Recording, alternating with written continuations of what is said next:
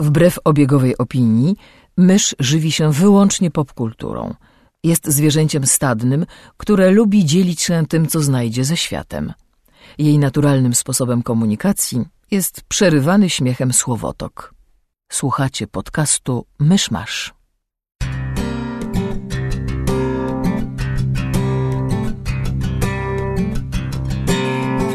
Gospodarzami podcastu Myszmasz są Krzysiek Ceran, redaktor portalu Avalon. Kamil Borek ze studia Kobart. i Mysz, autorka bloga Mysza Mówi. Drodzy słuchacze, serdecznie zapraszam do 44 odcinka podcastu Myszmasz. Jest 17 lutego, dzień urodzin chińskiej cesarzowej Wu Zetian, znanej z ważnej roli, jaką odegrała w historii tego wspaniałego kraju, a także gry Cywilizacja 5. Oraz Paris Hilton, znanej z... z... za jakieś grzechy? To tak, wiesz, żeby przemyśleć. Takie dwie wydawałoby się zupełnie różne kobiety, a jednak łączy je tak wiele. Płeć, data urodzin, dajcie mi jeszcze chwilę. Wow. Nie wstrzymałam. Za chwilę z tej zapowiedzi będziemy mogli zrobić osobny odcinek. A imię jej Paris Hilton. Historia popkulturalna według Krzysia. No dobra, to nagrajmy odcinek, a ja może coś wymyślę przed końcem jeszcze. Dobrze. Tak, to na koniec odcinka zakończymy zapowiedź. Dokładnie tak. Tak jak te nowe bondy się kończą. It's się- gonna be legend. Wait for it. I teraz nagrywamy odcinek. Na koniec będzie Dairy. E, to co, może jakieś newsy na początek? Ja jedyny news jaki mam to, że Ellen Page wyszła z szafy i bardzo mi się to podoba. No, z- zrozgotała moje marzenia o tym, jak to się jej oświadczy w małej alpejskiej wiosce, ale... Wiedziałam, po prostu dzisiaj zobaczyłam tego newsa i pierwsza rzecz, która mi przyszła do głowy, to było takie Krzysiek będzie niepocieszony. Nie, po prostu pamiętałam, że, że wyrażał sympatię i uznanie dla Poczu, aktorki. poczułaś miliony nerdów krzyczące z bólu. Ellen Page jest super. Nigdy, nigdy Tak nie jest. ukrywałem, że tak uważam. Tak jest. No, dobra, ale nie zamieniajmy się w pudelka. E, No ja chciałem wspomnieć, że wydawnictwo Hachette rzuciło na rynek drugą wielką kolekcję komiksów, tym razem to jest Torgal. I ja tego trochę nie rozumiem, bo ta wielka kolekcja komiksów Marvela to jakby wstrzeliła się w lukę na rynku, bo superhero prawie nikt nie wydawał od paru lat, poza tam Mucha Comics. No a Torgal jakby, Torgal na rynku jest od, nie wiem, jak, jak ja byłem taki mały, to pamiętam, że już mieliśmy Torgala na rynku. Torgal był wznawiany ze dwa razy przynajmniej. Jakby no, w każdym Empiku zalegają Torgale. Nie jestem pewien, czy No, naprawdę może jest zalega- potrzeba. Może zalegają tylko jakieś pojedyncze i nie da się ten uzupełnić kolekcji, jeśli ktoś chce poznać całego Torgala. Może. No ja jakby nie będę o niej więcej w podcaście mówił, bo Torgal mnie nigdy jakoś nie, nie jarał. Znaczy, jak byłem mały, to czytałem Torgala, bo, bo był pod ręką, bo ktoś w rodzinie miał Torgale, ale jakoś nigdy się nie wkręciłem w historię tego wikinga. Ja Nawet nic nie wiem o Torgalu, prawdę mówiąc. Ja Nie, wiem, że jedyne co kojarzę to ale- okładki. Tak, ale No dobra, no to, chyba, to chyba tyle o Torgalu w myszmaszu. To chyba możemy przejść do zawartości właściwej. To skoro już ja mówię, to chyba będę mówił dalej, tak patrzę po, po twarzach współprowadzących. A, to może zacznę od tego, że skończyłem oglądać Futuramę. Serial animowany, który uwielbiam od wielu lat, który zmartwychwstawał dwukrotnie i który w tym ostatnim sezonie jakby był taki trochę taki trochę e, o czym niech świadczy to, że teraz go skończyłem, a chociaż ostatnie odcinki poleciały, nie wiem, pół roku temu, czy kiedy to było. Futurama, jeśli ktoś ze słuchaczy nie wie, to jest serial Mata Groeninga, twórcy Simpsonów, o dostarczycielu pizzy, który zostaje zamrożony i budzi się tysiąc lat w przyszłości. I to jest serial komediowy science fiction, bardzo fajny, bardzo przyjemny, bardzo, bardzo go polecam, który miał trudną historię, bo miał cztery sezony w swoim, jakby cztery oryginalne sezony, potem został skasowany przez stację Fox, jak zwykle. Wszystko, co złe w Ameryce, to stacja Fox. Potem, i to po dłuższym czasie, zmartwychwstał jako seria czterech filmów pełnometrażowych, które też pocięte na fragmenty la- latały, latały jako normalne odcinki. To jest piąty sezon. I wreszcie został zamu- przez Comedy Central zamówiony na dwa kolejne sezony, szósty i siódmy. I jakby więcej Futuramy to zawsze była dobra wiadomość. I te filmy, dwa z nich są super, pozostałe dwa są w porządku. I te dwa sezony, które były, działają mniej więcej na podobnej zasadzie. To znaczy, w tym szóstym sezonie było kilka odcinków perełek, które ja stawiam na równi z najlepszymi z całego, z całego serialu. W tym siódmym, ostatnim sezonie. Właściwie najwyższy pułap, jakiego sięgał, to były bardzo dobre, bardzo przyjemne, a reszta była taka, no takie futuramowe standardy, jakby po, po tylu latach twórcy już trochę, trochę schematycznie do tego podchodzili. A ostatecznie kończy się bardzo przyjemnym odcinkiem, w sumie, w sumie ładnym, ale to jednak nie było już to. Natomiast co się twórcom chwali, to jest tak, że o ile takim motywem przewodnim pierwszych czterech sezonów było e, to, czy tam główny bohater ro- rozkocha w sobie Lilę i jakby pierwsze cztery sezony kończyły się takim najprawdopodobniej tak, potem były filmy, które kończyły się takim, nie no, teraz to już na pewno tak, a potem w tych dwóch ostatnich sezonach jakby twórcy nie, nie uciekali od tego, nie wracali do, do status quo, tylko po prostu przedstawiali ich jako parę. I to było, to była fajna, fajna zmiana. Też, też to bardzo ładnie wychodziło. No, także na pewno polecam oryginalne odcinki i filmy. A jak ktoś się wkręci, to pewnie obejrzy do końca, prędzej czy później. To ja z kolei tak w klimatach y, seriali, które znamy i kochamy, ostatnio miałam posłuchę wśród nowych seriali, więc y, a, a zainspirowana jakby y, serialem Black Sails, o którym w podcaście wspominaliśmy, stacji Stars, który ma tam krew, seks, flaki i tak dalej, jak to w stacji Stars bywa. E, Zainspirowana tym e, poczułam nagle nostalgię za serialem Spartacus, który też wielokrotnie wychwalałam u nas w podcaście.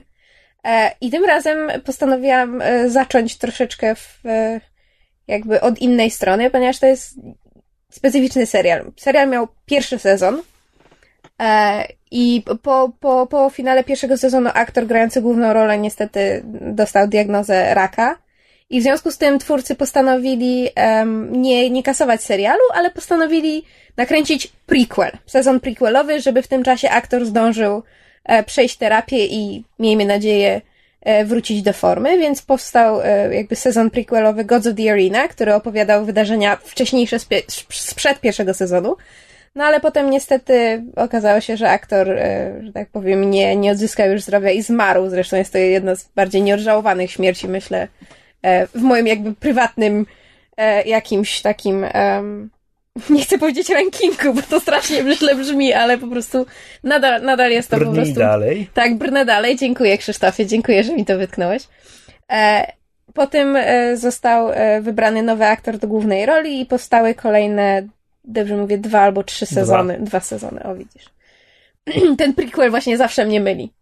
E, I ponieważ oglądałam serial na bieżąco, oglądałam w kolejności pierwszy sezon, potem prequel, drugi sezon, trzeci sezon. I miało to sens, ponieważ twórcy wiedzieli, że że, że jakby e, ten, ten prequel będzie, będzie oddzielny, ale jednocześnie połączony, więc to wszystko miało ręce i nogi. A tym razem postanowiłam obejrzeć w kolejności najpierw prequel, czyli jakby chronologicznie wydarzeniami, bo słyszałam, że, że są fani serialu, którzy twierdzą, że w ten sposób serial ma więcej sensu, że to się lepiej w ten sposób ogląda, że kolejność chronologiczna jest jedyną słuszną. I muszę powiedzieć, że już w ciągu pierwszych pięciu minut pierwszego odcinka prequela stwierdzam, że jest to absolutnie stek kompletnych bzdur. Dlatego, że e, pierwszy sezon e, prequela zaczyna się od e, spoilowania Jako finału Pierwszy pierwszego sezon sezonu. prequela. Znaczy, Jeden sezon pierwszy prequela. odcinek. Powiedziałam sezon? Pierwszy Tak. odcinek, e, pierwszy odcinek prequela. Zaczyna się od tego, że spoiluje finał pierwszego sezonu. Wielki, wielki tam twist, który się tam pojawia, jest zespoilowany już na samym początku prequela, a także parę dość istotnych wydarzeń jakby z całego pierwszego sezonu jest skondensowanych w takie, w takim, e, prawda, e, e, w takiej sekwencji pod tytułem tak, co się wydarzyło i, i, i dlaczego, dla, dlaczego to jest istotne. No i potem gładko już przechodzimy do, do jakby do wydarzeń wcześniejszych. Tylko, że to psuje większość pierwszego sezonu, więc jakby e, chciałam, zależało mi na tym, żeby w podcaście nadmienić, że mogliśmy, mogliśmy, znaczy ja mogłam w pewnym momencie wspominać, że jakby serial można oglądać w, w kolejności albo 1, 0, 2, 3, albo 0, 1, 2, 3, ale teraz to odszczekuję i, i, i uważam, że jakby ta, ta kolejność, którą twórcy przewidzieli dla serialu jest jedyną słuszną i, i, i, i wynika to też stąd, że jakby pierwszy sezon przedstawia nam po kolei wszystkich bohaterów i powoli ich poznajemy, uczymy się ich kochać, zależy nam na nich, etc., etc. W prequelu tego nie ma. W prequelu jesteśmy wrzucani centralnie jakby w, w realia, w, w te walki na arenie, w, w ludus, czyli jakby właśnie w ten miejsce szkolenia gladiatorów, e, które poznajemy w pierwszym sezonie. Jesteśmy tam centralnie wrzucani, jakby nic nie jest nam tłumaczone i dla, dla widza, który nie, nie jest zaznajomiony z pierwszym sezonem, może to być szalenie mylące. E, więc e, jeżeli ktoś ze słuchaczy jeszcze nie widział Spartakusa, a, a, a przymierzał się do niego, to powtarzam raz jeszcze, zacznijcie od pierwszego sezonu, a nie od prequela. Ja też wróciłem do Spartakusa. To znaczy do pierwszego sezonu i brakuje mi już tylko trzech odcinków, żeby go skończyć. Ja go zacząłem oglądać tak półtora roku temu. no właśnie ja też ostatnio obejrzałam trzy pierwsze odcinki Gods of the Arena, czyli prequela i to było chyba za dwa tygodnie temu. Nie, z tydzień temu ale, ale zamierzam skończyć, bo chciałabym, chciałabym zobaczyć, czy ta moja ogromna sympatia do tego serialu to jest, to były tylko po prostu bardzo, e, że tak powiem, wysoko buzujące emocje, które były związane z tym, że w serial, serial nie bał się zabijać swoich głównych e, bohaterów i ginęli w dość taki bardzo poruszający i brutalny sposób.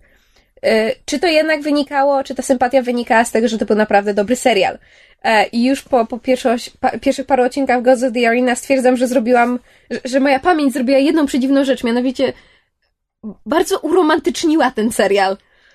Co jest o tyle dziwne, że biorąc pod uwagę, ile w nim jest krwi, seksu, flaków, zabijania i wszystkiego innego, słowo romantyczny średnio mi się w to wpasowuje, ale po prostu zapamiętałam z tego serialu jakby te bardziej właśnie emocjonalnie poruszające momenty, a nie wszystkie naprawdę brutalne, okrutne rzeczy, które tam się, e, że tak powiem, przytrafiają naszym bohaterom. Oceniając po trzech czwartych pierwszego sezonu, to, to nie jest dobry serial. Jest przyjemny, ale. Wiesz co? Ja po prostu odbierałam ten serial właśnie na takim bardzo emocjonalnym poziomie e, sympatyzowania z, z bohaterami i przeżywania ich, ich wiesz, e, ich. E, nie chcę powiedzieć przygód, ale ich losów. E, I jakby ceniłam ten serial za to, co, za to, jak ukazywał właśnie losy niewolników i jakby stosunki między e, panami a niewolnikami. Bardzo ceniłam ten serial za, e, za posiadanie wątków homoseksualnych, co jakby we współczesnej telewizji też jest, nadal jest dość kontrowersyjnym tematem. I po trzecie lubiłam go za to, że wiedział, kiedy się skończyć. I, I jakby właśnie też, też za to, co się wydarzyło przy okazji e, choroby właśnie głównego aktora Andy'ego Whitfielda, świętej pamięci, że, że twórcy jakby na tyle brali go pod uwagę i na tyle wiedzieli, że to jest jego serial, że nie chcieli go kręcić bez niego, że stąd się wziął prequel. I, i też jakby e, Liam McIntyre, aktor, który zastąpił e, Whitfielda po, po prequelu, kiedy, kiedy, kiedy wrócono na plan drugiego sezonu, jakby też został przez Andiego zaakceptowany. On był, został niemalże namaszczony jako ten jedyny właściwy, który powinien tego Spartakusa grać dalej. Więc po prostu mam wrażenie, że cała otoczka tego serialu bardzo, bardzo do mnie przemawia. I się zgadzam, on jest szalenie kiczowaty, to jest 300 na sterydach.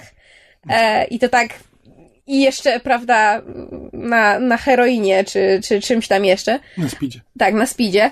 Ale, nadal, oglądanie tego serialu nadal sprawia mi niesamowitą Friday i nadal go bardzo przeżywam. Więc nie, nie uznaję ani pierwszego, e, pierwszego, że tak powiem, oglądania, ani teraz tego powtórnego seansu, seansu za czas zmarnowany i uważam, że jest to serial, który powinno się obejrzeć mimo wszystko. Ja, ja w tym tygodniu zagrałem w, w końcu w grę Injustice, Gods Among Us, która w końcu ukazała się na PC-tach w wersji Ultimate. Czyli Myśmy... z dodatkowymi postaciami, które jakby na konsolę wychodziły jako kolejne DLC. Myśmy chyba raz wspominali przypadkiem o tej grze, bo mi się pomyliła z czymś innym i żeśmy wspominali o Injustice. Być może jakoś. tak, jestem, nawet pamiętam być dokładnie. Mimochodem. Pamiętam. E, w każdym razie udało mi się, udało mi się przejść kampanię. Długa nie jest. E, To jest jakby 12 rozdziałów de, dla różnych postaci, w każdej po cztery walki zazwyczaj i to się przechodzi w parę godzin. Dobra, może zacznijmy od Ale podstaw. tak, właśnie chcę teraz przejść do tego, e, o, czym, o czym to jest. E, jest to gra o postaciach z DC, e, komiksowych. Fabuła jest taka, że Superman dostał lekkiego fioła po tym, jak Joker e, w, jakimś tam sposobem przekonał go, że walczy z Doomsdayem, a tak naprawdę zabił, e, zabił Lois i chyba swojego syna? Czy Nienarodzonego. Nienarodzonego Ciężarną syna. tak. Lois. A no właśnie, ciężarną Lois. Nie wiem, jakoś tak początek, początek to, tak przelatuje, przelatuje ten, ten fragment tak dosyć szybko i e, nie wyłapałem do, dokładnie szczegółów, jak to się, jak to się stało. Jest rozwinięte w, kom, w komiksowej serii Injustice, która podobno jest całkiem niezła, nie próbowałem. I właśnie, po pierwsze, zanim jakby przejdę do samego gameplaya i do samej gry, to e, miałem taką refleksję na temat tego, że dla mnie DC jest najlepsze wtedy, kiedy jest wielkie i głupie.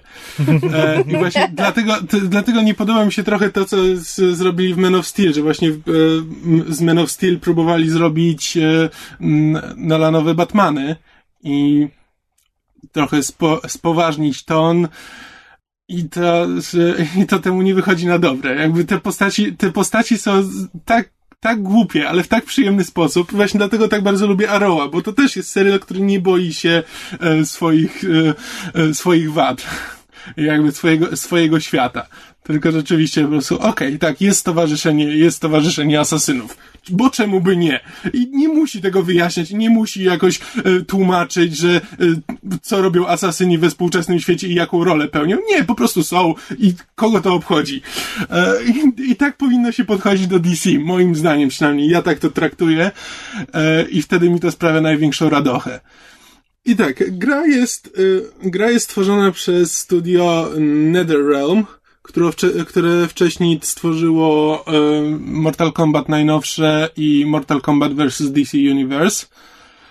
I to jest po raz trzeci ta sama gra, tylko tam z dodatkowymi, tam za- zazwyczaj dodają jakiś jeden nowy element do tego. Czyli mamy dokładnie gameplay z ostatniego Mortal Kombat, y, że jakby styl walki się nie zmienił. I styl graficzny też nie. E, przy czym nie podobają mi się designy postaci w większości wypadków. Szczególnie Batman wygląda tragicznie głupio. A co z nim jest nie tak? Znaczy, po pierwsze, to, znaczy, bo jest dwóch Batmanów przede wszystkim, bo jakby gra się dzieje w, w alternatywnej rzeczywistości. A, bo nie dokończyłem chyba opowiadania o fabule. Nie dokończyłem. E, bo gra się dzieje w alternatywnej rzeczywistości, w której e, właśnie Superman oszalał po tym, jak zabił e, Lois i sobie podporządkował cały świat. Po prostu stwo- stworzył własny reżim i stworzył po prostu opresyjny, opresyjny rząd. E, a, I część bohaterów dołączyła, dołączyła do niego, bo albo uważała, że robi dobrze, albo po prostu się go bała, a część bohaterów stworzyła ruch oporu. I Batman, e, Batman z tego alternatywnego świata e, ściąga właśnie bohaterów z tego świata, w którym, w którym Superman wciąż jest normalny. A Lois wciąż żyje. Więc jest dwóch Batmanów. Jeden z nich wygląda tradycyjnie, ma tradycyjny kostium, przy czym po prostu ma hełm tak dziwny, że wygląda jakoś, wygląda jakby był zrobiony z plasteliny. E, natomiast drugi Batman wygląda trochę jak ten z Batmana, nie pamiętam, Forever albo e, Robina z takim srebrnymi, e, z posrebrzanym e, strojem. I to zawsze, i to nigdy nie wygląda dobrze, więc nie wiem po co to, ale no, trzeba było jakoś ich odróżnić od siebie, prawdopodobnie tylko dlatego. E, I ogólnie jakby te designy, nie wiem, bardziej mi się podobały w Mortal Kombat vs. DC niż, e, niż tutaj. Ale to może być po prostu kwestia gustu. I tak, e, jedyne co dodali do tych tradycyjnych, tradycyjnej techniki z walki z poprzednich gier, to to, że każda postać pod przyciskiem B ma dodatkową umiejętność. I one są najróżniejsze. Na przykład Superman e, przez chwilę ma wzmocnione swoje ciosy. Albo Flash może spowolnić przeciwnika i w ten sposób wykonać większe, większe kombosy. E, nie wiem, Green Arrow może sobie różne strzały, e, różne strzały posyłać na przeciwnika, Hawkgirl zamrażające. Tak, jakieś takie najróżniejsze dziwne rzeczy, każdy. I one są bardzo, bardzo różne. To jest fajne, że one się naprawdę różnią. To nie jest jakby wariant tej samej umiejętności dla każdej postaci, tylko naprawdę e, robi, to, robi to dużą różnicę. I to jest fajne. I też jakby gra jest bardziej nastawiona chyba niż poprzednie na żonglowanie przeciwnikiem. Znaczy jest dużo, jest dużo umiejętności, które pozwalają wyrzucać, wyrzucać w powietrze i jakby utrzymywać, utrzymywać przeciwnika w zawieszeniu i też jakby tak, bo nawet, bo nawet dodano e, ciosy związane z otoczeniem. Że na przykład jeśli się podejdzie, jeśli się na planszy jest e, jakiś tam głaz, to można do niego podejść i naciskając odpowiedni guzik można nim zaatakować. I tak samo można właśnie po, posłać kogoś. Rzucić w kogoś helikopterem. Tak, i w ten sposób też można wybić, wybić się jakoś e, w górę i potem można nimi żonglować e, jak najdłużej i chyba na to teraz jest nastawiona gra. Ale tak poza tym to jest to samo co w Mortal Kombat, więc jeśli ktoś lubił te gry, to polubi też e, Injustice. Jeśli nie, no to trudno. Ale, y, ale bardzo polecam, bo właśnie jest bardzo przyjemne. Kampania, właśnie tak jak mówię, fabuła jest e, przewidywalna do bólu i głupia, ale, e, ale przyjemna, ale bardzo, bardzo fajnie mi się, mi się oglądało przerywniki filmowe między kolejnymi walkami. A same walki też sprawiają dużo radochy. Naprawdę można się fajnie poczuć właśnie żonglując przeciwnikiem. Chyba, że Kamil ci i dupsko w grze na dwóch graczy. A tak, chwilę pograliśmy. No jakby ponieważ, ponieważ grałem chwilę dłużej niż mysz, to niestety mysz dostała troszkę w dupę. Nie, nie, nie, to nie dlatego. Mysz dostała w dupę, dlatego że mysz praktycznie nie gra. I jej metodą... No to tylko i wyłącznie twoja wina. Tak, jej metodą grania jest y, maszowanie, to znaczy zupełnie przypadkowe naciskanie wszystkiego naraz i modlenie się do Pana Boga, żeby coś się udało. Tak, ta, ta gra jakby temu nie sprzyja zazwyczaj, bo o ile na przykład w Soul Caliburach to maszować można spokojnie, bo tam... W Soul Caliburze to ja jestem świetna! Bo Calibur jest tak nastawiony, że niezależnie jaką kombinację przycisków naciśniesz, to prawdopodobnie wyjdzie ci jakiś kombos. To akurat tutaj trzeba rzeczywiście, e, trzeba znać te ciosy. To jest akurat dla mnie zawsze, naj, to, był największa, to była największa wada. E, mi się nie chce uczyć e, ciosów i nie chce mi się na przykład, wolę sobie zmieniać postaci, więc nie będę się dla każdej postaci osobno uczył, jaka ta postać ma kombosy. A wydaje mi się, że żeby tak naprawdę opanować tę grę, to właśnie tak by trzeba było robić. Skupić się na jednej postaci i nauczyć się ich ciosów. A to dla mnie jest nudne. Więc wolałbym, żeby właśnie tak jak Soul Calibur po prostu ci gra pozwalała po prostu poczuć się, poczuć się fajnie, że wykonujesz, wykonujesz fajne kombosy, mimo że tak naprawdę nic nie robisz, tylko bijesz, e, bijesz przyciski. No ale to już jest, to już jest kwestia podejścia. Ja po prostu dużo nie gram w bijatyki, więc dla mnie to nie jest, nie jest e, zaletą to, że trzeba poświęcić temu dużo czasu, żeby się nauczyć. Skoro zaszło na gry komputerowe, to ukazał się drugi epizod The Wolf Among Us i gry przygodowej od Telltale Games i coś się w Telltale Games popsuło po drodze. To znaczy, ten epizod miał obsuwę. Nie pamiętam, kiedy on miał się oryginalnie ukazać, ale przerwa była chyba czteromiesięczna. A gdy już się ukazał, to jest strasznie krótki. Jest jeszcze krótszy od pierwszego ja go, epizodu Walking Dead. Ja go skończyłem Dead. dzisiaj przed wyjściem do studia. Zacząłem grać trochę przed dwunastą, skończyłem koło w pół do drugiej. W półtorej godziny zasadniczo skończyłem tę grę. Tak, więc... Ten epizod. Czekać cztery miesiące na półtorej godziny gry mm, tak trochę słabo. Zwłaszcza, że e, tutaj ten gameplay jest jeszcze bardziej ograniczony, e, bo gra niemal cały czas nie robi niczego poza tym, że przewozi Big Biego od jednej rozmowy do drugiej rozmowy. Tam mhm. dwa albo trzy razy jest, wiesz, jest w pomieszczeniu, gdzie trzeba po kolei kliknąć na wszystkie dostępne przedmioty w pomieszczeniu, żeby dojść do kolejnej rozmowy. Tak, i, śledztwo, które na, na, sam, na samym końcu gry niby można połączyć jakieś dowody z e, wnioskami, przy czym wnioski są zazwyczaj tak oczywiste, że naprawdę potem jedna z postaci mówi, że o, jesteś lepszym szeryfem niż się, spodziewa, niż się spodziewałem. Naprawdę to nie było nic, nic wielkiego, że do tego dojść. Trzeba było być idiotą, żeby zaznaczyć jakąś inną odpowiedź niż ta, która jest prawidłowa. Tak, więc e, to trochę nie wyszło. A ogólnie, ogólnie fabuła mnie zaskoczyła, znaczy zaskoczyła tym, że dużo szybciej niż się spodziewałem rozwiązuje pewną kwestię z poprzedniego epizodu. Byłem święcie przekonany, że to pociągnął przynajmniej do następnego. E, a za to podrzuca nam tak, tak oczywistego czerwonego śledzia, tak oczywistą zmyłkę w tym epizodzie, że też jestem trochę rozczarowany tym, tym dokąd to prowadzi.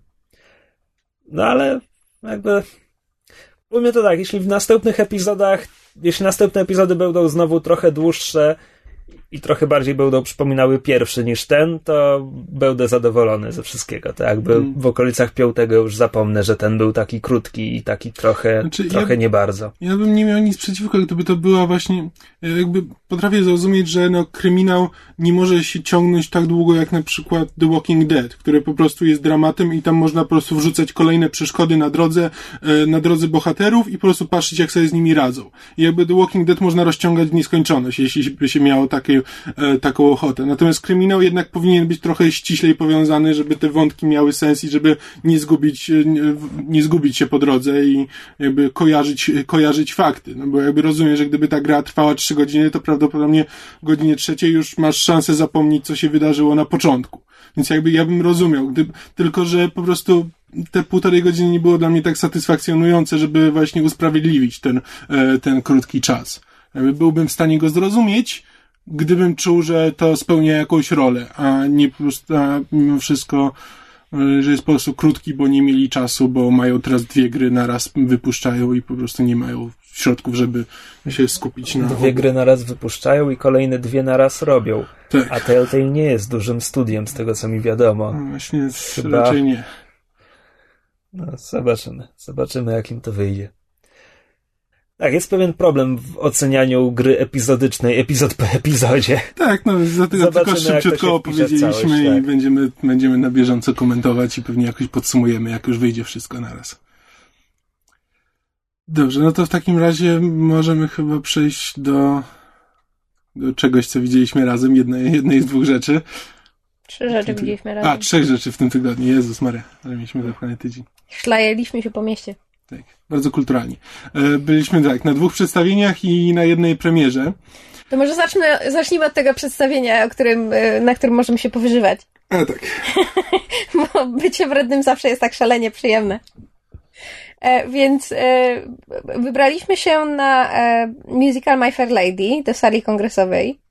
E, no i wybraliśmy się dlatego, że to jest jeden z niewielu musicali, które ja lubię w polskiej wersji językowej, bo ma bardzo fajne, jakby chwytliwe piosenki, bo jest poniekąd to o lingwistyce. My z Kamilem jesteśmy niejako e, lingwistami z wykształcenia, tylko że ja nie pełnię. więc tak jakby wszystko, wszystko się wpasowało, to miało być, te, miało być nasze wcześniejsze walentynki, bo to było 11, więc unieli, uniknęlibyśmy tłumów. Poszliśmy. O mój Boże! To, był, to był najgorzej zorganizowany spektakl, jaki kiedykolwiek widziałem. Tak, znaczy umówmy się, e, bo, bo to nie było, to nie był e, występ gościnny albo jakaś gala. Nie, to był jednorazowy, e, jednorazowe wystawienie pełnego musicalu. Problem polega na tym, że nie zmieniała się scenografia, było fatalne nagłośnienie, i to na tyle fatalne, że słychać było co trzecie słowo z dialogów, a niektórych piosenek wcale. E, orkiestra brzmiała fałszywie. E, po, po przerwie na początku drugiego aktu jedna skrzypaczka się spóźniła i weszła po pięciu minutach na, na salę, przemknęła między, między rzędami i usiadła na swoim miejscu. Mnie szczęka opadła, jak to zobaczyłam. E, kostiumy jakieś zupełnie od czapy, trzeszczące mikrofony. W jednej scenie naraz, e, znaczy w, w jednym momencie na scenie jest, jest dwójka aktorów on śpiewa swoją piosenkę, a ona jakby w, w innym miejscu, on śpiewa piosenkę na zewnątrz, stojąc na ulicy, ona w domu je czekoladki. I ktoś nie wyciszył jej mikrofonu, więc kiedy on śpiewa tę piękną piosenkę o miłości, ona robi jeszcze w dali jej coś kruchego, więc słychać jeszcze takie, jakieś takie trzaski. Ten, Szelesty, no po prostu. Tragedia. Znaczy, wow. to jest najgorzej nagłośniony spektakl i to nie jest tylko nasze e, subiektywne poczucie, bo do, e, do dźwiękowców siedzieliśmy tuż przed, e, tuż za nimi. Do dźwiękowców w czasie przerwy podchodziły kolejne osoby, przez całą przerwę kolejne osoby podchodziły do dźwiękowców, żeby ich dać im zjebkę, no. Żeby się zapytać, czy nie dałoby się coś zrobić, bo słychać co trzecie słowo. I przychodzili ludzie z całej sali, bo ja rzuciłam okiem jakby skąd oni nadchodzą i wiesz, z przodu sali, z boku sali, z balkonów ludzie przychodzili, z amfiteatru, gdzie myśmy siedzieli, ale już szczytem wszystkiego było to, że ja kupując bilety na ten spektakl, nie wiem, 10-15 minut wybierałam bilety. Kamil jest wysoki, więc ja zawsze wybieram nam takie miejsce, żeby Kamil komuś nie zasłaniał. No bo to jednak zawsze nieprzyjemnie, jak się przychodzi do teatru i się odkrywa odkrywa, że ktoś ci coś zasłania. Co jest karmiczną ironią, biorąc pod uwagę, że przyszliśmy i mieliśmy miejsce w pierwszym rzędzie amfiteatru na środku, no widok po prostu centralnie na scenę i centralnie przed miejscem Kamila rozstawiono ekipę z kamerami. Tak. Więc ja widziałem, widziałem połowę, widziałem lewą połowę sceny, a prawą połowę sceny oglądałem w wizjerku kamery, która była ustawiona bezpośrednio przede mną. Więc tragedia po prostu, jakim był ten spektakl, jest absolutnie nie do opisania. Ja próbowałam No, część z tego opisać na blogu, ale to i tak było nie wszystko. Na szczęście nie musimy odradzać, bo to był tylko jednorazowy, jednorazowy występ, reunion jakiś. Tak, ale po prostu nawet, nawet program miał błędy. To znaczy, dla nas zabawą w trakcie przerwy między pierwszym a drugim aktem było przeglądanie uważnie programu, żeby wyłapać wszystkie literówki, błędy merytoryczne, interpunkcyjne. Y, Moim ulubionym błędem to było w, w, w, e, w liście obsady. E, Było, była zapisa, by, było zapisana tam rola, prawda, tam Eliza Doolittle, ktoś tam, ktoś tam, bla, bla, bla. Dochodzimy do roli jakiejś tam pani Boxington i jest napisane Agnieszka. To wszystko. Więcej! The artist formerly known as Agnieszka. No po prostu w życiu nie byłam na tak kompletnej, Tak, ale- ale całościowej porażce. Ale jeszcze w dodatku slogan, było, slogan, slogan sztuki było, było My Fair Lady. Sztuka o tym, co jest fair. Na musical o tym, co jest fair. That's not... To nie jest to, o co chodzi w tym tytule.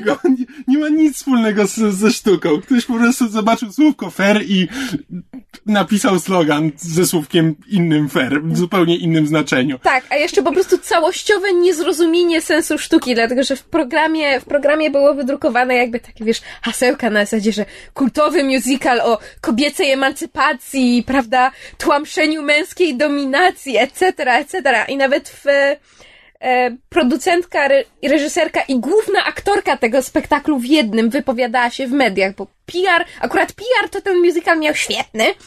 E, producentka się wypowiadała, że ona jakby bardzo chciała ten musical, prawda, wystawić, bo, bo on jest, prawda, o spełnianiu marzeń i o tym, że zawsze warto marzyć i ja siedzę, czytam to i się zastanawiam, are you fucking high?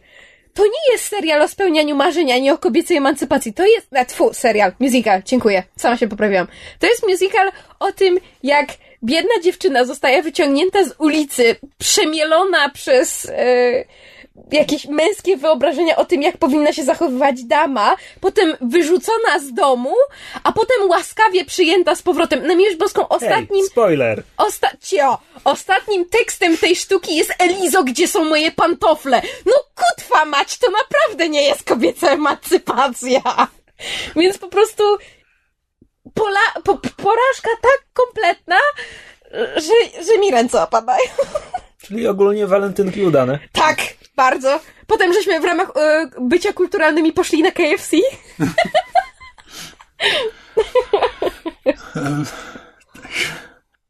I byliśmy jeszcze niejako przypadkiem, nie planowaliśmy tego zupełnie e, na innym spektaklu, mianowicie e, adaptacji komiksu, o którym opowiadałem już w podcaście, polskiego komiksu pod tytułem Wauma. Jest to spektakl dla dzieci. E, jakby komiks jest, komiks jest też jakby trochę pod dzieci pisany, ale jest dla wszystkich. Sztuka jest mimo wszystko, pewnie też jakby każdy może się, y, każdemu może się spodobać, ale mimo wszystko jest robiona pod dzieci. Tak, i poszliśmy, poszliśmy na niego tylko dlatego, że jakby mysz mi pokazała, że o popatrz, y, wystawiają sztukę na podstawie tego komiksu, o którym opowiadałeś. Zobaczyłem, że jest konkurs, i wysłałem, wysłałem odpowiedź, y, odpowiedź na konkurs, w którym można wygrać dwa zaproszenia. No ale nie dostałem żadnej odpowiedzi przez cały dzień, no to stwierdziłem, że no dobra, no to nie wygrałem, trudno, ale że chcemy pójść, bilety są, bilety są dosyć tanie, więc e, e, to sobie, to sobie chodźmy na te, pójdziemy. Więc kupiliśmy bilety dwa. I jakieś 15 minut później, jak kupiliśmy te bilety, dostaliśmy zaproszenie, dostaliśmy odpowiedź od konkursu, że wygrałem dwa, dwa zaproszenia. Więc sobie poszliśmy właśnie na te, wykorzystać te zaproszenia. Wczoraj w ramach walentynek Tak, e, spektakl było o godzinie 12 e, w południe. na sali oprócz nas i oprócz pań, które przyszły razem z, z całą klasą jakiejś podstawówki dorosłych było sztuk dwie. To tak jakby Spektak- frekwencja wiekowa. Spektakl odbywa się w Teatru Studio, który jest, w którym jest może, nie wiem, między 50 a 100 miejsc. Znaczy to jest tylko jedna z sal tego teatru, oni Znaczy, mają no tak, większe, tak, ale... ale, to- na takiej, na małej sali jakby właśnie przeznaczonej i widać, że spektakl jest po prostu pomyślany tak, że po prostu szukają, szukają grupy w przedszkolu, która pójdzie po prostu na ten spektakl. Tak, niewielkim nakładem sił i środków, ale jest tak fajnie przemyślany, jest Tak. tak mądry, tak sprytnie zrobiony, że ja wyszłam absolutnie zachwycona. Tak, przede wszystkim inscenizacja jest bardzo fajnie zrobiona, bo inscenizacja wykorzystuje e, komiks. E, W formie przeźroczy, które są Tak. rzucane na, na, na ekran, który jakby tworzy tło.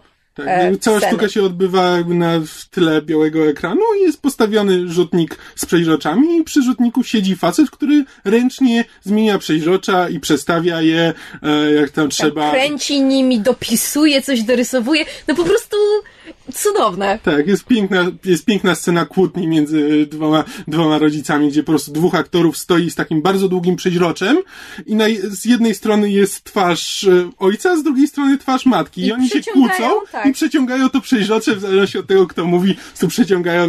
I to bardzo fajny efekt robi. I naprawdę jest z pomysłem to zorganizowane z dużą, z dużą wyobraźnią. Tak, jest też scena, jak e, tata chyba próbuje e, skręcić kredens. Tak. Więc on stoi przy rzutniku i rysuje kreseczka po kreseczce kredens. A facet, który przy mikrofonie wszystko miksuje na żywo i tam puszcza równe, różne efekty dźwiękowe, do mikrofonu robi efekty dźwiękowe na zasadzie tam tf, tf, tf, jakieś tam wbijanie gwoździ, czy cięcie desek. No, absolutnie cudowne. Absolutnie. No, więc bardzo, bardzo, bardzo przyjemny spektakl. No tak, jakby najlepiej pójść na to z dzieckiem, ale też wydaje mi się, że E, No, można też pójść ze swoim wewnętrznym dzieckiem, tak Dokładnie. jak myśmy zrobili. e, i bawiliśmy, bawiliśmy się bardzo dobrze. Tak, i w związku z tym całym zawirowaniem z biletami i zaproszeniami, e, teraz mamy dwa bilety na Łaumę. E, I bilety możemy oczywiście jakby zwrócić, no bo prawda, jest taka możliwość, ale stwierdziliśmy, że skoro to jest tak fajny spektakl skoro wspominaliśmy o nim w, w podcaście, to może któryś ze słuchaczy chciałby pójść na Łaumę, jeżeli mieszka w Warszawie i, i, i go to interesuje. E, Więc mamy dla Was historyczny moment, pierwszy konkurs Myszmasza, gdzie do wygrania są autentyczne bilety na coś. E, I konkurs związany z Łaumą. Informacje, informacje oficjalne na pewno jeszcze wrzucimy na, na stronę i na Facebooka. Tak, jeżeli chcecie wziąć udział w konkursie, to napiszcie nam swoje najbardziej dziwne, zwariowane, ciekawe, nietypowe wytłumaczenie dla tego, co to jest waszym zdaniem Łauma. Co to jest Łauma? Tak, jakby trzy, trzymajcie się jak najdalej. Łauma e, w sztuce jest e, zasadniczo odpowiednikiem e, Baby Jagi. Baby Jagi. Tak. Więc jeśli ktoś napisze, że Łauma to jest czarownica, to natychmiast przegrywa. Chodzi o to, żeby było jak najdalej od prawdy, jak najciekawiej. I tak, jeśli dostaniemy jakieś ciekawe, e, ciekawe zgłoszenia, to wybierzemy z nich to najlepsze i wygrane, wygrana osoba otrzyma podwójne zaproszenie. Znaczy, zaproszenie. Po prostu otrzyma dwa bilety, Dwa na, bilety. na spektakl. Tak jest. I wyniki myślę, że ogłosimy na fanpage'u, bo to jest jednak takie miejsce, gdzie wszyscy mm, zaglądają. Tak, Poza tym czas jest ograniczony. Same liczby wskazują, że na fanpage zagląda tylko połowa naszych słuchaczy, ale okej. Więc trzeba ich tam zagonić. Więc, wszelkie informacje o konkursie będą na, będą na Facebooku e, i tam będzie jakiś oficjalny mini regulamin tego, co, tego, czego się od was spodziewamy. Ja tak na końcu raczej krótko powiem o tym, co ostatnio przeczytałem. Była to antologia opowiadań Śląskiego Klubu Fantastyki pod tytułem Ścieżki Wyobraźni.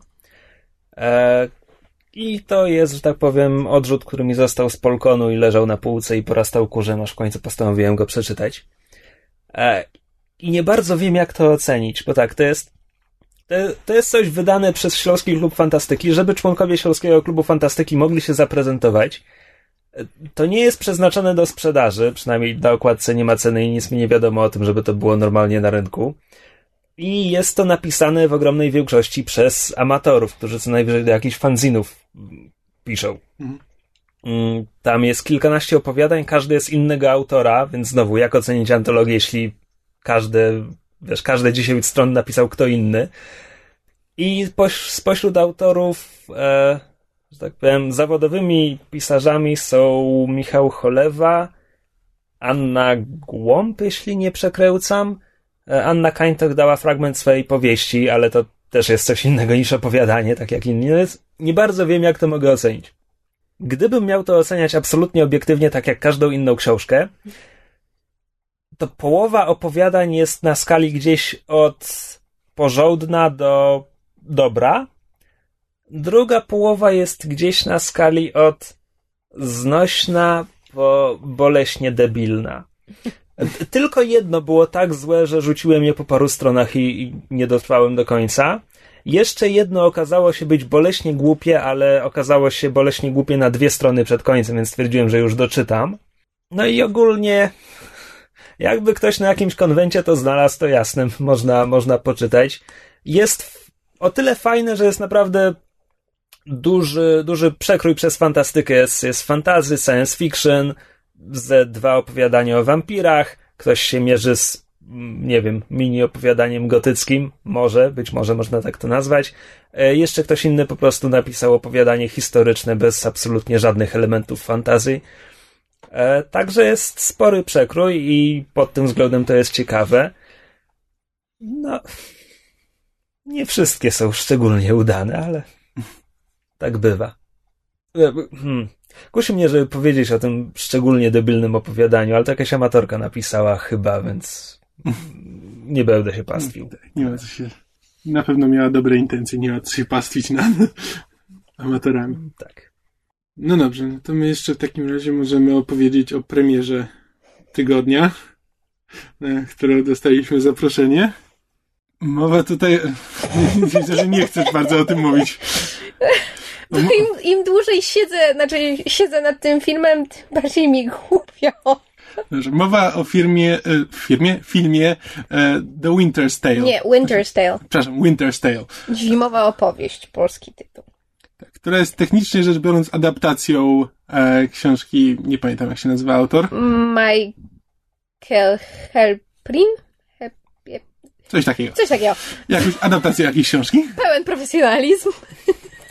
I e, to jest tak, my siedzieliśmy na tym filmie e, i zasadniczo tam przez pierwsze, przez pierwsze pół godziny nie wiedzieliśmy do końca o co chodzi, potem stwierdziliśmy, że w sumie całkiem, całkiem fajne tak. i wyszliśmy, wyszliśmy z kina e, z, e, zgadzając się ze sobą, że o, to było bardzo fajne, bardzo urocze, bardzo fajny film. Tak i taka sentymentalna bajeczka, po prostu autentycznie baśń, ba, baśniowy film, taki trochę magiczny realizm. Chyba nikt na planecie się z wami nie zgadza. No właśnie. Właśnie. Na, na Rotten Tomatoes e, film ma od krytyków ma 14% w tym momencie. A zaczynał od 8. Tak. Zaczynał od 8 wczoraj. Pozy- czy 14% pozytywnych recenzji. Od y, publiczności już trochę lepiej, bo jest pół na pół. Jak sprawdzałem, to jest 49% pozytywnych y, opinii od, y, od widowni, więc można rzucić monetą i się przekonać, czy ten film się komuś spodoba, czy nie. E, nie wiem czemu, nie jestem w stanie stwierdzić, czemu, e, skąd się bierze ten... E, ten, ten cynizm. Ja mam wrażenie, że to jest cynizm? wszystko... Nie wiem, czy to jest cynizm. No... Nie, dla mnie to jest cynizm. To wynika z fundamentalnego niezrozumienia, czym ten film jest. Ten film jest sentymentalną, lukrowaną bajeczką. Okay. Jest w tym cudowny. Recenzent wyborczej, który wystawił który? jedną gwiazdkę, Mosakowski. Wystawił, wystawił jedną gwiazdkę na sześć e, z opinią, że twórcy silą się na ekranową magię, a wychodzi im tylko ekranowa grafomania najgorszego sortu. No Więc no jakby właśnie... on oglądał to z, z, nastawieniem, że twórcy próbowali zrobić baśń. Tak, tylko właśnie wszyscy mówią, że próbowali, a te osoby, którym się podobało, twierdzą, że te próby nie mają z tym nic wspólnego, że ten film jest baśniowy, więc mam właśnie wrażenie, że wszystkie te osoby, które twierdzą, że... Bajkowy tak, bajkowy, że, że film, że film e, próbował coś osiągnąć i że się nie udało i w wyniku tego powstała grafomania, są po prostu cynikami o kamiennych sercach, no. Znaczy, nie, ja nawet, nie, tak, no, żartuję, tak, oczywiście, no, tego nie umiał, ale... Ja, od razu mówię, że filmu nie widziałem i nie mam zamiaru oglądać. Znaczy, ja na przykład czytając... ale, ale złe recenzje są bardzo zabawne i tak. trochę ich już przeczytałem. Ja na przykład czytając negatywną recenzję Zwierza popkulturalnego, tam jest tam fragment o tym, że no, oczywiście, oczywiście nasz bohater, jeśli jest dobry, to jeździ na, to jeździ na białym koniu. I oczywiście jak się zakochuje, to od pierwszego wejrzenia. I oczywiście jak kobieta kobieta, w której się zakochuje, jest i, i okej, okay, ja się z tym wszystkim zgadzam, tylko że moja opinia jest taka, no że Oczywiście, że to jest dobry bohater i jeździ na białym koniu. No i oczywiście, że jeśli się zakochuje, no to zakochuje się od pierwszego wejrzenia. I oczywiście, że jeśli się zakochuje, no to musi być jakaś przeszkoda. I ona jakby dla mnie Okej, okay, to jest schemat na schemacie. To jest bajka zbudowana z klocków. Nawet Mosakowski w Wyborczej ostrzegł przed spoilerem, zanim napisał, że ona... Ale to jest pod... To jest spoiler, Kicie. Ale to jest pierwszych 15 minut. Nie! 45 i to jest nadal spoiler. Podkreślam, bo recenzenci wyborczej nigdy nie ostrzegają. Dobrze, to ja wybipam w takim razie e, ostatnie oczywiście, ale, e, ale to chyba to jest takie podejście, no, że jakby e, ja, my idąc na ten film nie widzieliśmy nic. Ja, mysz widziała trailer, ja nawet trailera nie widziałem. Znałem tylko tytuł tego. Może gdzieś ci i, mignął i, plakat. Y, tak, mi, znaczy, nawet, nie, nawet nie plakat. Mignął mi jakiś wpis na IO9 i to tylko na Facebooku, więc tylko główne zdjęcie i lead. E, czyli zobaczyłem tylko, że aha, to to jest jakiś, e, to to jest film z elementami fantastycznymi. Tylko tyle wiedziałem e, idąc do kina. I jakby nie spodziewałem się po nim niczego.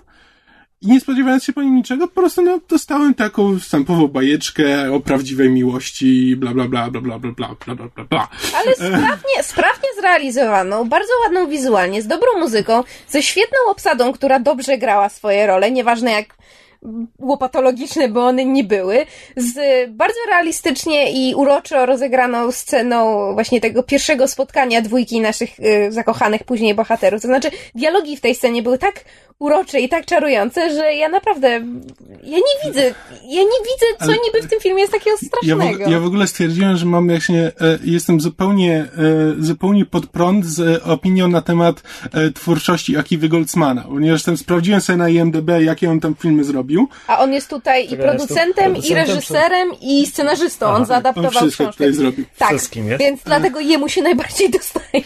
Tak, no tylko, że tam sprawdziłem właśnie filmy, które produkował, bo on jest głównie producentem. To był jego debiut reżyserski, znaczy jeśli chodzi o pełnometrażowe Jeszcze filmy. Pisze filmy. Nie, nie zapominajmy, że wygrał tak. Oscara za sentymentalną bzdurę, którą było A Beautiful Mind, więc ja nie rozumiem, dlaczego ludzie mają pretensje o to, że Winter's Tale jest sentymentalną bzdurą pod tytułem Miłość wyleczy wszystko, skoro w A Beautiful Mind dostajemy sentymentalną bzdurę pod tytułem Miłość wyleczy chorobę psychiczną. No naprawdę? Spoiler. e... E, właśnie tak, Beautiful Mind, okej, okay, Beautiful Mind jest zasadniczo uznawany, tak, różne są opinie, ale zasadniczo no, dostał Oscara, więc nie może być taki zły.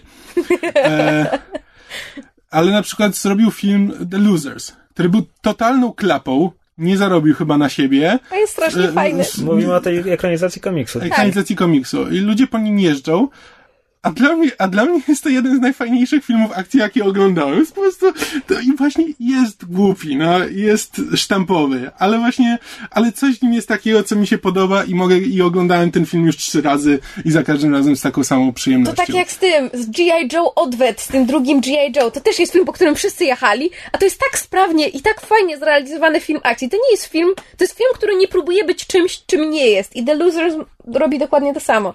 Ale Goldsman był jeszcze odpowiedzialny... A, jeszcze y, Konstantina, był tak. producentem Konstantina, który też wiem, że jest kiepskim filmem.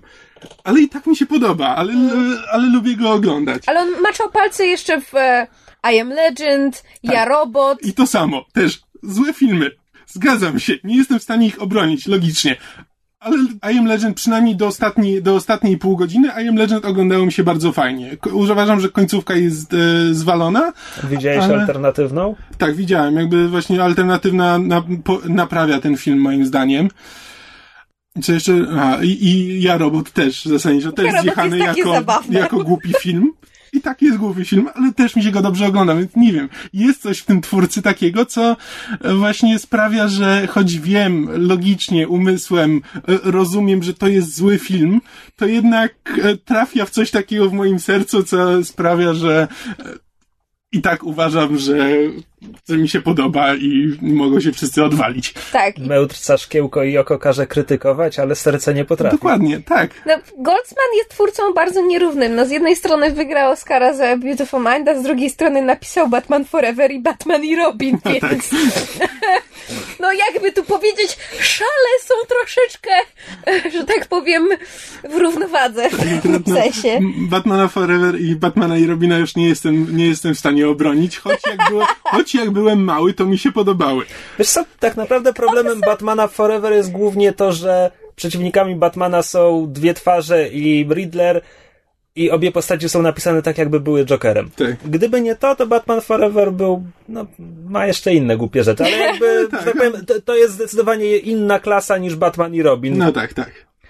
Który jest jakimś takim wielkim hołdem składanym serialowi z Adamem Westem, tylko chyba nie tego widzowie oczekiwali. tak. Tak. I też trochę nietrafionym hołdem mimo wszystko. Kampo, Prawdopodobnie kampowato, kiczowata porażka. Znaczy tak, nie jest wystarczająco kampowaty, że, znaczy kampowy, żeby, żeby się usprawiedliwiać. A, Nie jest?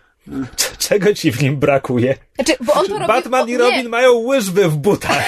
nie, bo o co chodzi, bo Ale jest... stylistycznie nie jest kampowy. Znaczy, prawda. w treści jest kampowy, stylistycznie Tak, już nie. on jakby nie, nie, nie, nie przeszarżował tej granicy, bo gdyby to zrobił, to to, to by miało sens, bo, bo, byłoby wiadomo, że jest to zrobione specjalnie. Oni to wszystko robili na poważnie i myślą, że są, myśleli, że, że robią dobrze i tym momencie kamp jest fajny wtedy, kiedy jest robiony z, z, z jakimś Tak, zamysłem tak, jakby. Ale to no. głównie chyba jest jednak zwalone przez Joela Schumachera. Znaczy to tak, głó- tak, głównie tak. on jest tutaj winowajcą, bo on jakby chyba w ogóle jakby nie rozumiał Batmana. Znaczy przynajmniej właśnie innego Batmana niż ten z Adamem Westem. No ale dobra, nie, nie, nie o tym tutaj mówimy. Więc jakby Winter Stay On, no mówię, dokładnie to, to co powiedziałem na temat Rotten Tomatoes. Ktoś, jeśli ktoś jest zainteresowany tym filmem, niech rzuci monetą e, i na tej podstawie może stwierdzić, czy ma iść do kina, czy nie.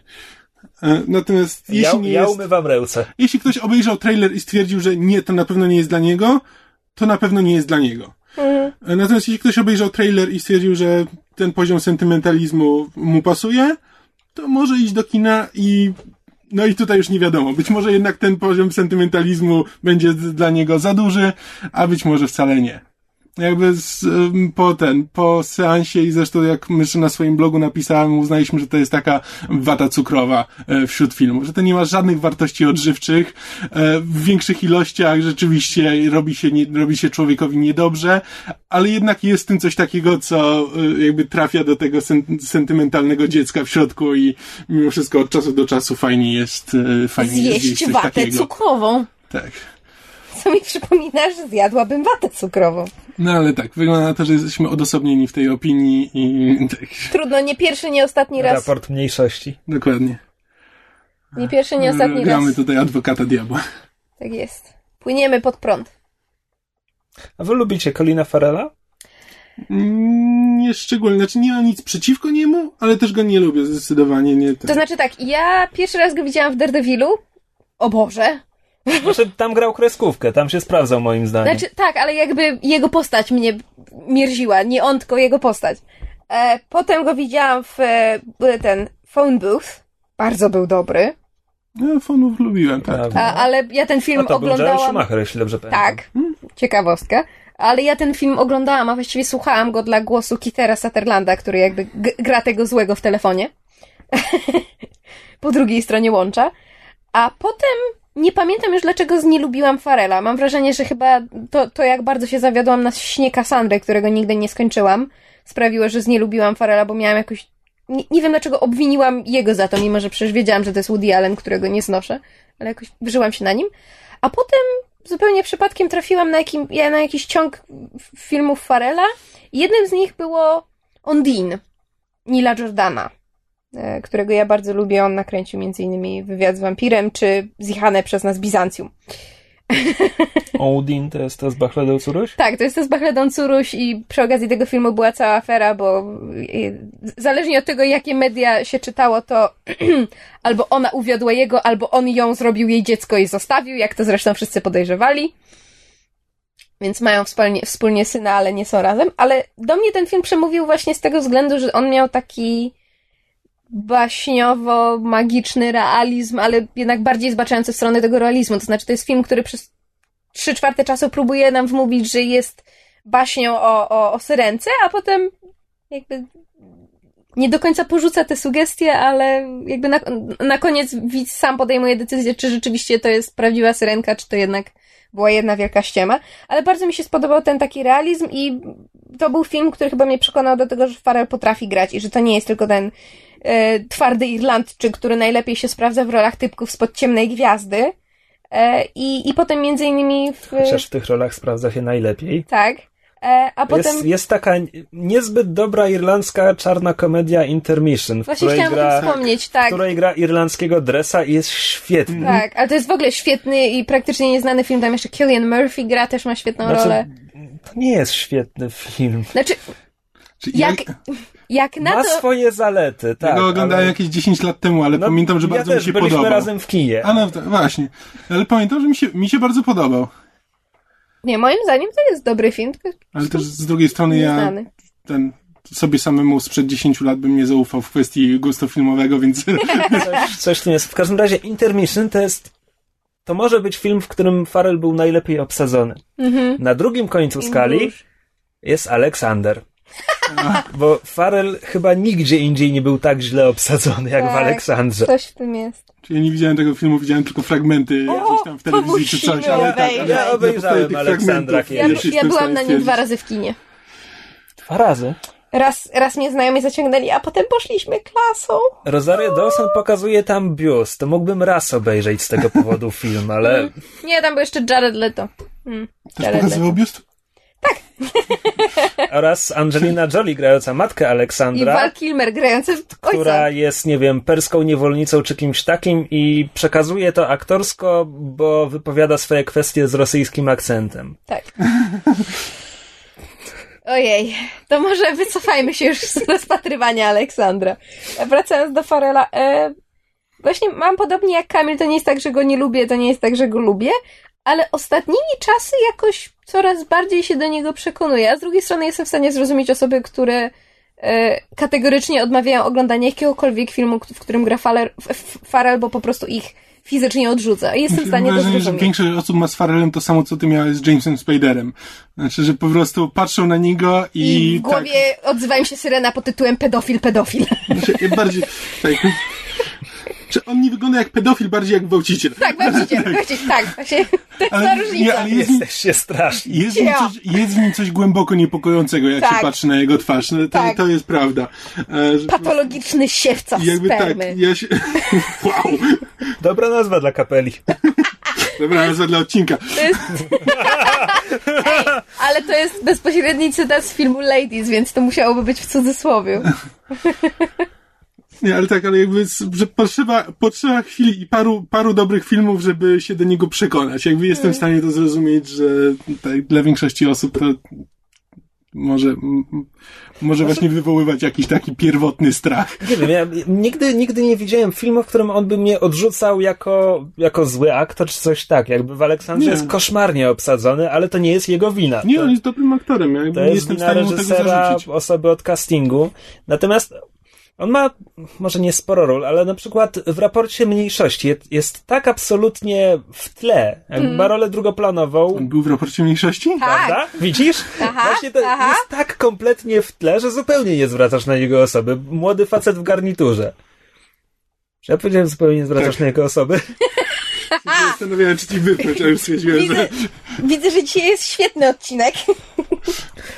Pod względem robienia sensu. No dobra, a to jeszcze, żeby jakoś to domknąć, więc jak, jak się Farrell sprawdza w zimowej opowieści? Bardzo dobrze. Mi się. To znaczy, większość osób raczej będzie, biorąc pod uwagę, że większość e, recenzji jest negatywna, będzie twierdziła, że jakby e, nie miał co grać i że nie zdoła unieść tego fatalnego filmu mimo mm, udanych prób. To znaczy, jakby nikt nie zarzuca mu złego aktorstwa, raczej tego, że nie miał czego grać. A ja muszę powiedzieć, że w tej roli takiego em, ten z- złodziejaszka w Nowym Jorku irlandzkiego pochodzenia o dobrym, złotym sercu i zakochanego w tej dziewczynie sprawdził się bardzo, bardzo fajnie. Był czarujący, był sympatyczny, dało się z nim sympatyzować. Ja jestem na tak, absolutnie. Znaczy tak, jakby tam w, w, jest taki fragment e, jakby w, tam pod koniec, e, pod koniec filmu, gdzie jakby nie za bardzo może grać, bo zasadniczo po prostu snuje się po ekranie bardzo smętny i, ten nieszczęśliwy i wtedy po prostu no, i chodzi, chodzi z tą samą miną e, ala Keanu Reeves. E, i, I z podobnymi włosami. tak, i, no, e, i wtedy rzeczywiście nie ma co grać, ale tak, ale właśnie jako, póki jestem takim po prostu złodziejaszkiem o złotym sercu, to moim zdaniem dobrze się sprawdza w tej roli. Tak. Chociaż i tak najfajniejszy, najfajniejszy w tym filmie jest Russell Crowe. Oj tak, Russell Crowe jako, jako ten zły. Po prostu. Może to jest tylko mo, moje i Kamila wrażenie, ale myśmy oglądając ten film siedzieli i się zastanawiali, Jezus Maria, jaką Russell Crowe ma frajdę z grania w tym filmie. Jezu, jak on się bawi tą rolą. Jeszcze z takim cudownie ciężkim e, irlandzkim akcentem gra. No, Oj. o, nie, ale cudownie to wypada. Absolutnie cudownie. No Więc y, tak, rzut monetą. Jeżeli ktoś y, twierdzi, że lubi sentymentalne, słodkie bzdurki, to, to może się wybrać, ale w razie czego to nie my i to nie na nas, jak się wam nie spodoba. A ci, którzy mają kamienne serca wstrętnych cyników, to niech się trzymają z daleka. no. I taki jest morał tej opowieści. To co, mamy jeszcze czas na jakiś mail? A w dzisiejszym kołciku mailowym sięgamy głęboko, głęboko, głęboko do myszmaszowych krypt i wyciągamy stamtąd mail od Skoagaraka, którego dostaliśmy jakoś krótko po odcinku z podsumowaniem roku. Tak, więc będzie teraz podsumowanie roku e, według SKO. Dwa E, miesiące Tak, później. tuż, tuż przed marcem. E, tak. Ale ponieważ Sko był wredny i wysłał nam bardzo długi list specjalnie na złość, więc my teraz specjalnie na złość go wyedytujemy i weźmiemy tylko to, co nam się podoba. O, rzekłam. w razie czego będzie na mnie. Dobrze. Droga redakcja mysz ma... Jezus Maria, co ja zrobiłem temu telefonowi? Co Włączyłeś mu zrobiłeś literki. mojemu telefonowi? Włączyłeś mu literki. Włączyłem mu literki i nie mogę ich wyłączyć. O, Najprościej je. na świecie. Dobra. Przecież też masz Samsunga. Pra- Mój jest czarny.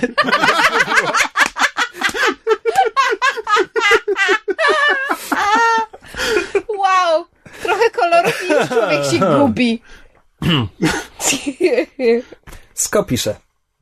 Droga redakcja Myszmasza. Kilka słów odnośnie filmów. Mysz przy okazji Furious Six wspomniała o kontynuacjach długotrwających serii. Moim zdaniem podobnie można powiedzieć o serii filmów Saw. No, czyli Piła. piła. piła. Może i każda kolejna część była gorsza od jedynki, ale co mi się w tej serii podoba, to właśnie to, jak to wszystko ła- zostało ładnie poukładane, jak łączy się w całość. Dla mnie ma to sens. Ja się tutaj ze Sko bardzo zgadzam, to znaczy ja, ja pamiętam, że ja się piły bardzo bałam, to znaczy to nie był film, który zamierzałam obejrzeć, ale, ale wszyscy go tak chwalili, więc usiadłam, obejrzałam jedynkę, byłam pod wielkim wrażeniem, a potem któregoś razu przyszły do mnie koleżanki i żeśmy usiadły i w ciągu jednego dnia obejrzały wszystkie części, nie, dwa, trzy, cztery, tam do siódemki, e, a one sobie wcześniej jeszcze przypominały jedynkę, więc były na świeżo, a ja, a ja jedynkę dość dobrze pamiętam i muszę powiedzieć, że się zgadzam ze Sko, to znaczy tak, wszystkie części y, po jedynce są gorsze, chociaż ja akurat dwójkę bardzo lubię. I wiadomo, że to jest, prawda, exploitation cinema i że chodzi tylko o to, jak, żeby jak najwykwintniej i jak najbardziej brutalnie tych, tych ludzi pozabijać. Jest tak zwane gornography. Tak, ale jakby ogólny, ogólny, ogólna klamra fabularna, która zamyka tę serię, jest tak fajnie przemyślana, że ja, kiedy dochodzimy do tego e, ostatniego twistu fabularnego w siódmej części, który, który zapina całą serię klamrą i cofa nas aż do jedynki, mi szczęka opadła. A to jest przecież, a, a, a, a dla mnie to było dlatego tak szokujące, że to był, to był durny horror o, o zabijaniu ludzi. Ja się czegoś takiego w ogóle nie spodziewałam. I to mi bardzo zaimponowało i w sumie z tego, z tego względu właśnie piłę bardzo cenię jako, jako zamkniętą serię, jako całość. Czy ona jest zamkniętą serią tak naprawdę między e, tak od trójki dopiero z, z ten spinają, bo dwójka powstała tylko i wyłącznie dlatego, że studio miało scenariusz napisany zupełnie przez inną osobę. E, zupełnie to miał być osobny film, tylko potem stwierdzili, że hmm, piła im się udała i mają już ten, że chcą teraz zacząć nową, nową franczyzę, to weźmy ten scenariusz, bo on się dobrze wpisuje, bo jest w tych samych klimatach i tylko wsadźmy go w ramy, w, w ramy właśnie tej serii. I potem już jakby już od trójki to już jakby jest Tak, wszystko ale- przemyślane jako właśnie seria, ale, Ale- ale dwójka oni- tak powstała przy okazji. Ale oni biorą tę dwójkę pod uwagę i oni właśnie bardzo starają się, żeby, żeby to wszystko było spójne. Jasne, każdy film pojedynczy sam sobie jest o tym, żeby się jak najfajniej nad tymi ludźmi poznęcać, ale pilnują, żeby to była jedna ciągła całość. I właśnie najfajniej moim zdaniem się ogląda tę serię jednym ciągiem, w sensie znaczy potrzeba by na to bardzo dużo czasu, ale właśnie najlepiej przez cały tydzień po prostu urządzić sobie tydzień piły i codziennie jeden z tych filmów po kolei oglądać. Kiedyś nie wyobrażam sobie gorszej tortury. Jakby mnie zamknęli w takiej pułapce jak z filmu, to wolałbym to od oglądania. Dobra. E, natomiast e, Hollywood często robi takie rzeczy, bodajże druga szklana pułapka była czymś mm. zupełnie innym, tak. ale podpięli to pod serię. E, Czwarci Piraci z Karaibów to jest prawda nie był scenariusz na film, tylko po prostu książka o piratach, która nie miała nic wspólnego z piratami z Karaibów, poza tym, że była o piratach. I to czuć w filmie. To prawda. Wciąż nie widziałem czwórki. Nie oglądaj, nie ma sensu. No, jest, jest Guy co, co ja chciałem powiedzieć? Co chciałem Dobre pytanie. E, nieważne. Nagie syrenki. Chciałeś powiedzieć? Nagie syrenki Z jakiegoś powodu chciałem powiedzieć Guy Ritchie myśląc o Gaju Piersie. Nie, nie ma go tam przecież. No właśnie dlatego się dziwię. Nieważne, nieważne. E... Jeffrey Raszu. Krzysiek chciał nam... Obawiam się, że tak. Krzysiek chciał nam przez środek wyzna wyznać, że kocha się w Zaku Efronie, ale postanowił się wycofać. Dobrze, co, co dalej? Przecież też go nie ma w tym filmie, o czym ty mówisz. Nie? Nie. Nie, jest ten. E, Sam, Sam Claflin. Ten, co tak? my się zawsze śmiejemy. Sa, tak, Sam Claflin, który, który gra w Zdawało mi się, że tam... Nie! Nie. Ja widzę, że chyba wszyscy tutaj powinni jeszcze raz obejrzeć ten film, Kamil po raz pierwszy, bo kompletnie nie mamy pojęcia, co z kim i dlaczego. Podkreślmy jeszcze raz, że to nie jest podcast ekspercki. Dobrze, co dalej pisze Sko? Mm. E, Sko dalej pisze. Daje swoją wykładnię podziału seriali, ale mniejsza o to. A dalej pisze. A skoro już wspomniałem o Lost Girl, który jest bardzo dobrym serialem ze świetną obsadą. Tak jest. W nawiasie Anna Silk i Ksenia Solo. I trzy wykrzykniki, nie znam. Zamknąć nawias. Och, I co z tak tego, że przynajmniej raz na odcinek dwie dziewczyny się całują? to pozwolę sobie, droga redakcja, na przedstawienie kilku innych interesujących kanadyjskich pozycji, ponieważ wbrew pozorom myszo wcale nie są one takie niepopularne. Do wymienionych już wcześniej Orphan Black, Continuum i Lost Girl pozostaje mi dodać jeszcze Haven, Hell on Wheels, Vikings, Sanctuary, w nawiasie gra tam Amanda Tapping, zamknąć nawias, The Secret Circle, otworzyć nawias, ten akurat skończył się na pierwszym sezonie, ale to akurat nie wina samego serialu. Zamknąć nawias. Ponieważ większość tych pozycji jest z gatunku sci-fi fantasy, dlatego w tym miejscu chciałbym gorąco pozdrowić EF Queen, znanej w świecie blogosfery jako Wiedźma na orbicie, która jest wielką fanką tego gatunku, a jej podsumowanie roku odnośnie seriali pokrywało się z moim 90%. Jeśli ktoś jeszcze pamięta podsumowanie roku Wiedźmy na orbicie, to... Mm, znamy Wiedźmę, lubimy Wiedźmę. Wiedźma jest myszy znajomą z blogosfery. Żeby było śmiesznie, ja znam, znaczy znam, nie oglądam, ale znam wszystkie seriale, o, o których Ska wspomina. To rzeczywiście E, znaczy, ja, ja, ja się tak śmieję, że, że seriale kanadyjskie są, są kiczowate i dość proste i takie mech. To znaczy, mam wrażenie, że serial kanadyjski jest bardzo łatwo odróżnić od amerykańskiego, ale one są też jakby moim zdaniem fajniejsze. To są właśnie seriale, które nie, nie traktują się serio. Trochę tak jak Arrow. To są takie seriale, które właśnie są trochę kiczowate, trochę kampowate, mają niektóre elementy fabularne, bo tak, bo czemu by nie, ale są przy tym szalenie urocze i mają duże poczucie humoru i wbrew pozorom trafiają się tam właśnie świetni, e, świetne postacie i świetni aktorzy, tak jak właśnie Sko wspomina, e, Ksenia Solo, która gra w Lost Girl, jest absolutnie fantastyczna, co mi przypomina, że muszę wrócić do tego serialu, bo porzuciłam go po pierwszym sezonie, teraz są już chyba cztery. Jest to właśnie serial, który jest e, w różnych rankingach bardzo często wspominany jako właśnie ten serial, który, o którym nikt nie wie, a który powinniście oglądać. Więc to jeżeli słuchacze chcą pooglądać sobie fantastyczne, całujące się kobiety. po czemu by nie? Ja w sumie lubię takie rzeczy oglądać. Why not? Czy Arrow nie jest kręcony w Kanadzie? Wszystko jest kręcone w Kanadzie, ale to jakby nie w tym sensie serial kanadyjski. Nie, Supernatural też jest kręcony w Kanadzie. Wymieniłaś Arrowa, więc mi ale Tak, ale bardziej, bardziej, bardziej w klimatach e, tak, takiego, wiesz, nie, nie traktowanie się poważnie, a nie nie jakby firmy producenckiej, no bo Arrow jest przez e, The CW robione, czyli przez amerykańskiego producenta, ale CW nie ma zbyt dużo pieniędzy, co zresztą widać w ich serialach i dlatego kręci w Kanadzie, gdzie jest taniej. I między innymi dlatego większość seriali kanadyjskich natychmiast da się odróżnić od amerykańskich, bo wyglądają tanio. Which is not a bad thing, tylko po prostu widać to czasami. To nie jest wada, tylko widać. Orphan Black jest kanadyjski? Czy to może jest brytyjski? Mi też się wydawało, że jest To brytyjski. jest, to jest chyba robione przez Może być jakaś koprodukcja. Tak, współpracy chyba BBC, znaczy wiem, że BBC America chyba macza w tym palce jako producent, ale to powstaje na zlecenie jakiejś stacji, nie wiem, nie Sky, nie coś. To jest bardzo dziwny twór, ale zaraz wraca drugi sezon, więc wszyscy się bardzo cieszymy. I to właściwie jest wszystko, co Sko nam napisał. Po, To- po tym, jak przeredagowałem tego maila. No to dziękujemy bardzo Sko za maila, dziękujemy Krzysiowi za redakcję i dziękujemy wam za słuchanie i to chyba tyle w tym tygodniu. Czy jeszcze coś mamy? Znaczy, w sumie moglibyśmy chyba drugiego maila zrobić. Czy, czy myślisz, że nie? To skoro jeszcze mamy czas na, e, e, na liczniku, to przeczytamy jeszcze jednego maila. Od e, słuchacza Dr. Pep... Stałego słuchacza. Od stałego słuchacza Cthulhu. Od stałego słuchacza Dr. Pep... Wow. To może ja go przeczytam. Nie! Teraz to już za późno. Od stałego słuchacza Dr. Pepper Salt and Vinegar Pringles, który gdyby chciał, mógłby wymyślić o wiele dłuższy nick, ale na szczęście tego nie zrobił, bo język by się myszy zaplątał już na amen. E, słuchacz nasz pisze. Hej, ekipo podcastu Myszmasz. Wasze podsumowanie roku przypomniało mi o wielkiej internetowej niesprawiedliwości, jaką jest pominięcie we wszystkich zestawieniach ekranizacji gry Endera. Film nie zawiódł, efekty specjalne stoją na niezwykle wysokim poziomie. To też jedna z najlepszych ekranizacji książek od lat. Może nie jeżeli chodzi o maszynową dokładność, ale o przełożenie sensu książki na hollywoodzkie realia. Sprawdźcie sobie przyjemność i zakupcie DVD czy innego Netflixa. Podobał mi się też wasz ostatni odcinek, ten o muzyce. Zachęcam was do wtrącania co jakiś czas kilku słów o nowym muzycznym odkryciu, bo wyszło świetnie. Hmm. Jest to jakiś pomysł, chociaż nie wiem. Tutaj chłopcy się na mnie patrzą. No, możemy Z wspominać.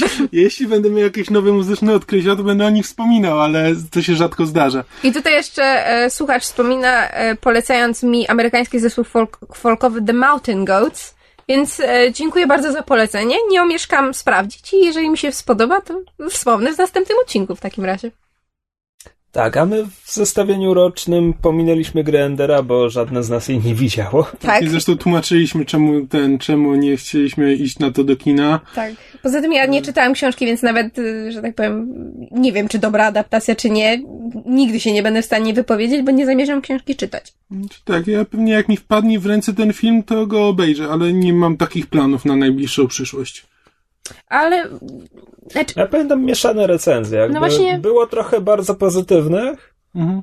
a było trochę takich... I, i nawet w Mniej. kwestii, w kwestii właśnie tej, tej trafności adaptacji były bardzo rozbieżne opinie. Były takie, które mówiły, że jakby film słusznie powycinał pewne rzeczy i dzięki temu stworzył jakby spójniejszą fabułę w filmie, a byli tacy, którzy mieli wielkie pretensje i mówili, że, że jakby właśnie wy- wycięcie tych fragmentów kompletnie ten, te, jakby niszczy, niszczy mm, fabułę i, i, i rozbija jakieś tam emocjonalne przywiązanie do bohaterów, bla, bla, bla. Naprawdę nie, nie, nie chcę o tym filmie rozmawiać. To, co pamiętam o tym filmie, z tego co słyszałem, to to jest jeden z kolejnych, z kolejnych filmów, w których e, Harrison Ford e, gra, ale mu się nie chce.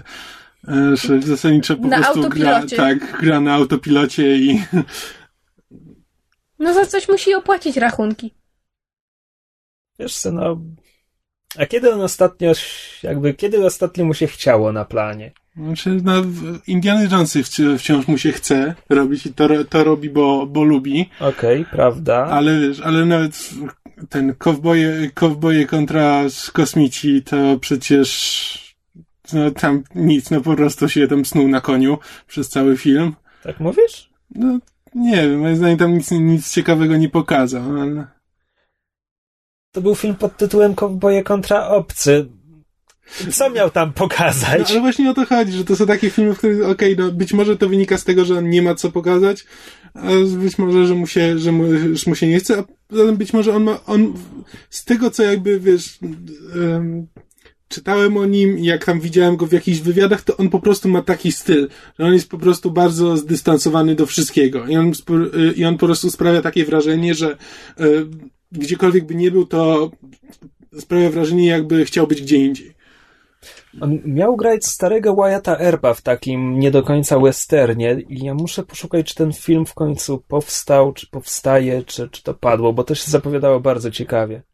Że on grał już podstarzałego Wyatta Earpa, który zostaje wynajęty przez jakąś wdowę do czegoś tam, jakiegoś śledztwa. Nie pamiętam szczegółów, ale wyglądało fajnie. I tym optymistycznym akcentem kończymy na dziś.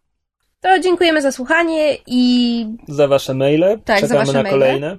e, czekamy na e, chętnych do wzięcia udziału w konkursie o Łaumie.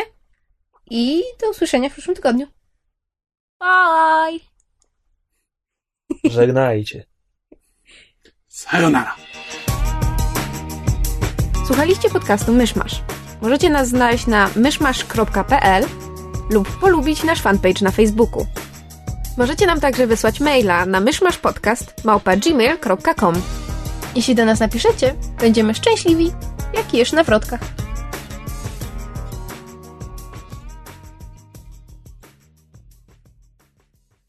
Dairy.